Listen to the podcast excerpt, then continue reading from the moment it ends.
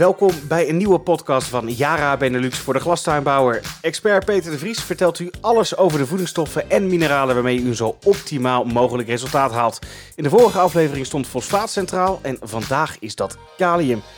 Peter, de vorige keer noemde je fosfaat het duivelselement omdat het in heel veel verschillende vormen voorkomt. Is dat bij kalium ook het geval? Nee, kalium is uh, wat dat betreft veel eenvoudiger. Uh, kalium komt alleen maar voor als pure element. K+, hè, dus, dus een cation die dus uh, één positief geladen is. Nou, wel kom je dus nog wel procenten kalium tegen op meststoffen. Dat wordt dan uitgedrukt als K2O. En dat kom je ook in de volle grondsadvisering tegen. Dus als je dan bijvoorbeeld kijkt op een uh, kali, zo Peter, dan zie je dus dat gehalte wordt aangegeven als bijvoorbeeld 46% K2O. Um, ja, dus net zoals we dat bij fosfaat uh, dan zagen, als die P2O5 is het dus eigenlijk niet correct. Hè? Dus alle kali zit erin als kali plus en niet als K2O. Maar ja, de meststoffenwet die schrijft dat nou eenmaal zo voor. Dat we dat zo moeten doen. Dus uh, ja, dat doen we dan. Ook op deze manier. Uh, in de voedingsoplossing, als we het er straks over hebben, dan praten we alleen maar over kali als een zuiver element. Dus K+.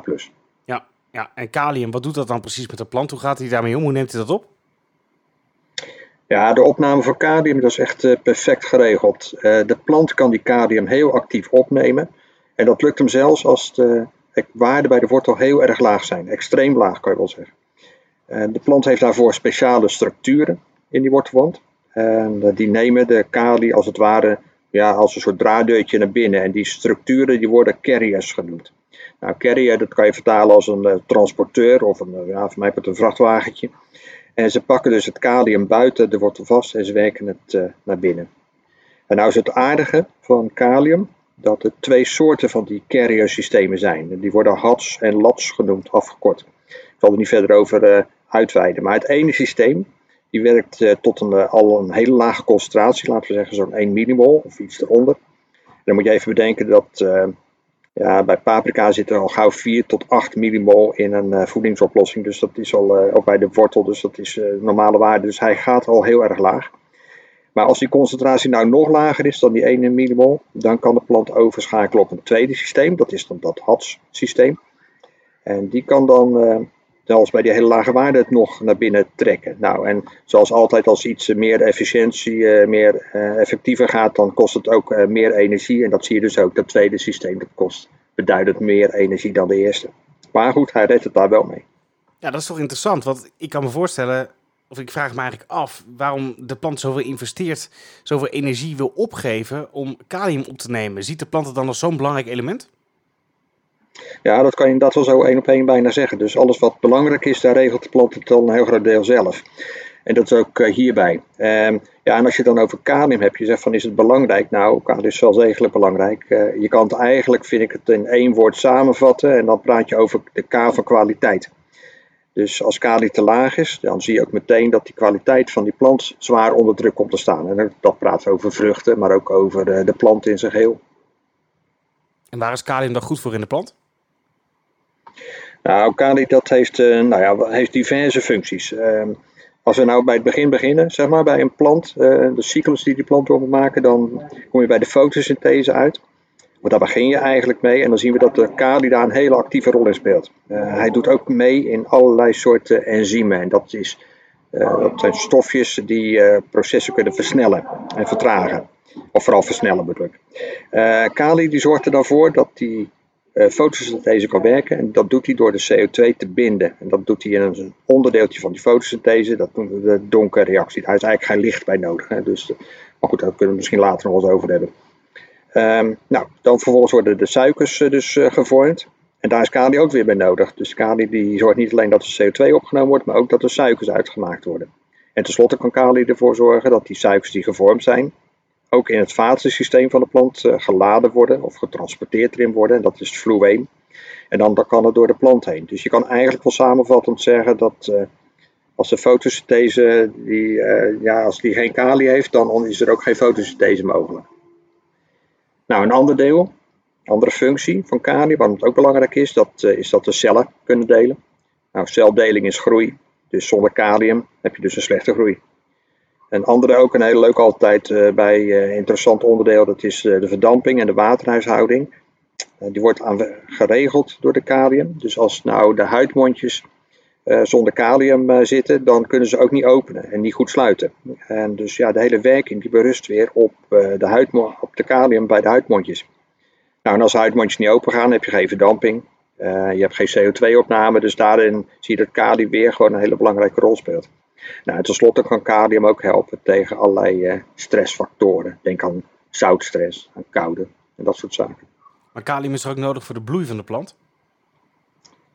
Ja, kalium helpt zeker ook mee bij de bloeiende vruchtvorming. Dat, uh, zo leerden we dat vroeger ook altijd. Uh, dat de zogenaamde generatieve fase. Maar ik vind het altijd een beetje een lastige discussie eroverheen. Het is veel meer de verhouding tussen stikstof en kali die dat bepaalt kan wel zeggen dat veel stikstof laat de plant hard groeien. En daardoor heb je geen generatieve activiteit, zoals we dat noemen. Dus geen bloei en geen vruchten. En je ziet dan, als je de stikstof ietsjes lager houdt en naar verhouding eh, een beetje meer kalium aanbiedt, of voldoende kalium, dan gaat die plant dus wel in de generatieve fase. Dus dan kan die dat wel. En ook hier, eigenlijk, we hebben het iedere keer over verhoudingen. Nou, ook dat heb je hier weer. Hè? Dus de juiste verhoudingen die bepalen of iets goed of fout gaat. Dus ja, dat, dat blijft gewoon een essentieel onderdeel. Ja, maar ik lees ook wel dat uh, ja, vooral kalium andere voedingselementen in de weg kunnen zitten. Klopt dat dan wel? Nou, dat klopt wel, uh, wel zeker. Uh, dat is bijvoorbeeld het geval met calcium, dat is wel de meest duidelijke. Uh, maar ook hier eigenlijk toch wel weer een klein beetje nuancering. Het probleem is niet zozeer dat kali calcium meteen in de weg zit, maar dat calcium van zichzelf al een probleem heeft met de opname. Um, en dat wordt dan nog een keer versterkt doordat kalium uh, eventueel hoger aanwezig is. Nou, en door die actieve opname van kalium, want die palen die wordt echt naar binnen getrokken zoals we net zagen, wordt die plant positief geladen. Nou, calcium is ook positief geladen en die heeft geen actieve opname. Ja, en automatisch komt calcium in de problemen. Het is dus ook zo dat een hogere kaliumgift ook wel leidt tot meer kaliopname. Dus meer kalium is meer opname. Ja, en daardoor gaat dus die calcium in de problemen komen. En uh, dat, dat, die, dat principe dat wordt antagonisme dan ook uh, genoemd. Antagonisme. En kunnen we dat ook weer zien in het plant? Dat is zeker wel het geval. Uh, we hebben, en dat is een mooie illustratie voor antagonisme, een paar jaar geleden een paprika-proef uitgevoerd in de kas in, van Yara in Vlaardingen. En we hebben daar toen de effecten van antagonisme willen laten zien. Nou, die proef bestond uit vier verschillende kali-calcium verhoudingen en het effect uh, op de kwaliteit van die paprika. Nou, de eerste behandeling is eigenlijk altijd standaard. Dat is een controlebehandeling met een standaard voedingsoplossing zoals die in de boeken staat. En deze behandeling die gaf uh, ja, eigenlijk zoals verwacht uh, weinig kwaliteitsproblemen. Het is gewoon een beproefd recept. De tweede behandeling was wel bijzonder. Daarin gingen we met een heel hoog kalium, zeg maar te hoog kalium, in combinatie met een te laag calcium. Nou, deze behandeling, zoals ja, je kan verwachten met uh, te laag calcium geeft uh, veel neusrot, maar ook vroeg in het seizoen.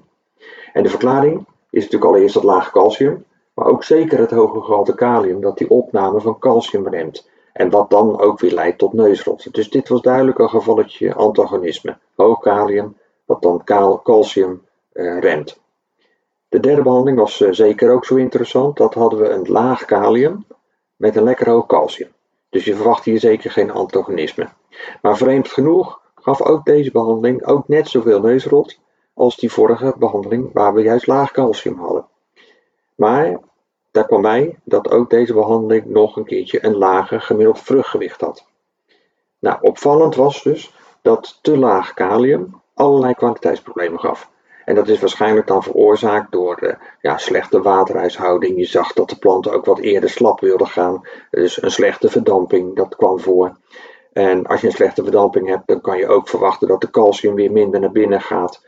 Uh, ja, en het algeheel kali, kali voor kwaliteit. Ja, als je daar tekort aan hebt, dan heb je een slechte kwaliteit plant en vrucht. En uiteindelijk uitzicht dat allemaal in ja, neusrot en dat soort zaken.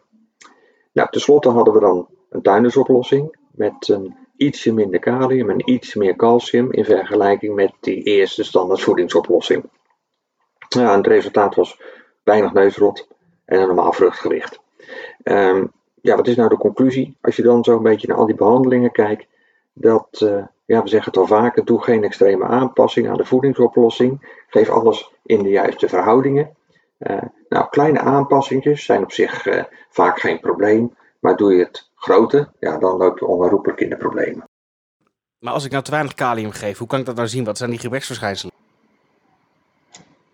Nou, aangezien kalium uh, heel erg mobiel is in de plant, uh, de plant kan de kalium overal naartoe uh, transporteren, zijn die gebreksverschijnselen het eerst zichtbaar in de oudste delen. Dus de plant die haalt het uit de oude delen weg en die transporteert het naar de plekken waar het nodig is, of waar het meer nodig is.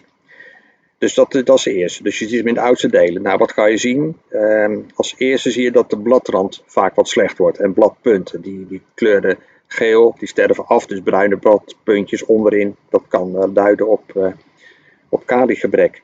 En kaligebrek wordt dan ook wel eens een keertje randjesziek genoemd. genoemd. Dus uh, de plant die krijgt gewoon een, ja, de bladrand die wordt aangetast. Nou, een ander typisch geval, wat we eigenlijk ook zagen in die proef in Vlaardingen bij, uh, in de kas is dat uh, de plant vrij snel uh, slap ging. Die hele waterhuishouding die was ontregeld, dus die uitmondjes werkten niet meer. En ja, de plant die ging dus in de problemen komen daarmee. Kwaliteit in het algemeen slecht, hè, dat zagen we ook in de proef. Vruchtkwaliteit laag in gewicht, zelfs neusrot kon, kon er voorkomen. Dus dat was ook heel duidelijk dat aan kali te wijten is. Nou, eventueel de groei is afwijkend. Uh, wortel is, uh, wortelontwikkeling is minder, omdat ook die suikers niet naar de wortel getransporteerd worden. Bijvoorbeeld, uh, ja, dat zijn allemaal van die eigenschappen van uh, wat terugvalt eigenlijk weer op kwaliteit. Het begrip antagonisme, dat is dus natuurlijk een, een, gevolg van te veel doseren. Ehm, hoe kan ik het anders herkennen? Hoe komt dat vaker voor? Je bedoelt te veel? Nou, als je te veel geeft, dan ja, dan zie je dus eigenlijk dat antagonisme-effect. Je ziet niet zozeer, te veel kalium eigenlijk als een probleem, maar je ziet vooral dat calcium en magnesium in de problemen komen. Dus je krijgt gebreksverschijnselen van calcium en magnesium, terwijl het eigenlijk een kaliovermaat is. Dus dat, dat, moet je wel een beetje uit elkaar zien te houden, dat moet je wel weten.